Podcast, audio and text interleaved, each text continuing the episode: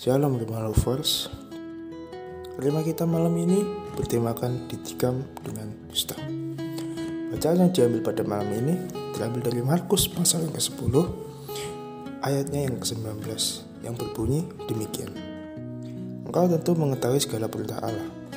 Jangan membunuh, jangan berzina, jangan mencuri, jangan mengucap saksi dusta, jangan mengulangi hak orang dan hormatilah ayah dan ibumu.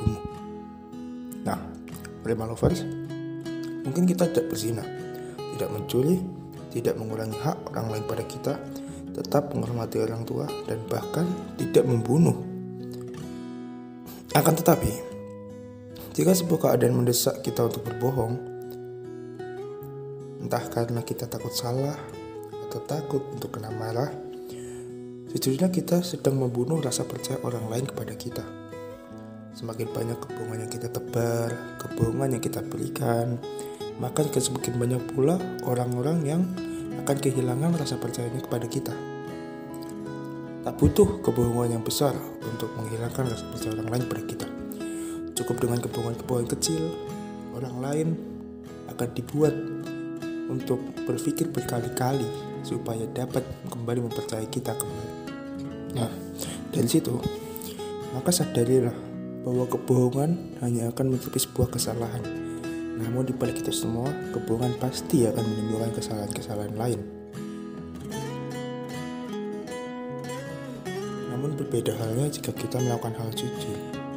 Hal jujur mungkin akan terasa menyakitkan di awal, namun untuk jangka yang panjang, sebuah kejujuran tanpa adanya kebohongan pasti akan menciptakan sebuah hal yang baik dan hal yang sangat indah ke depannya. Dari Malovers, mari kita berdoa. Terima kasih ya Tuhan atas berkatmu pada hari ini. Kau sudah menyertai kami saat seharian, ya Tuhan.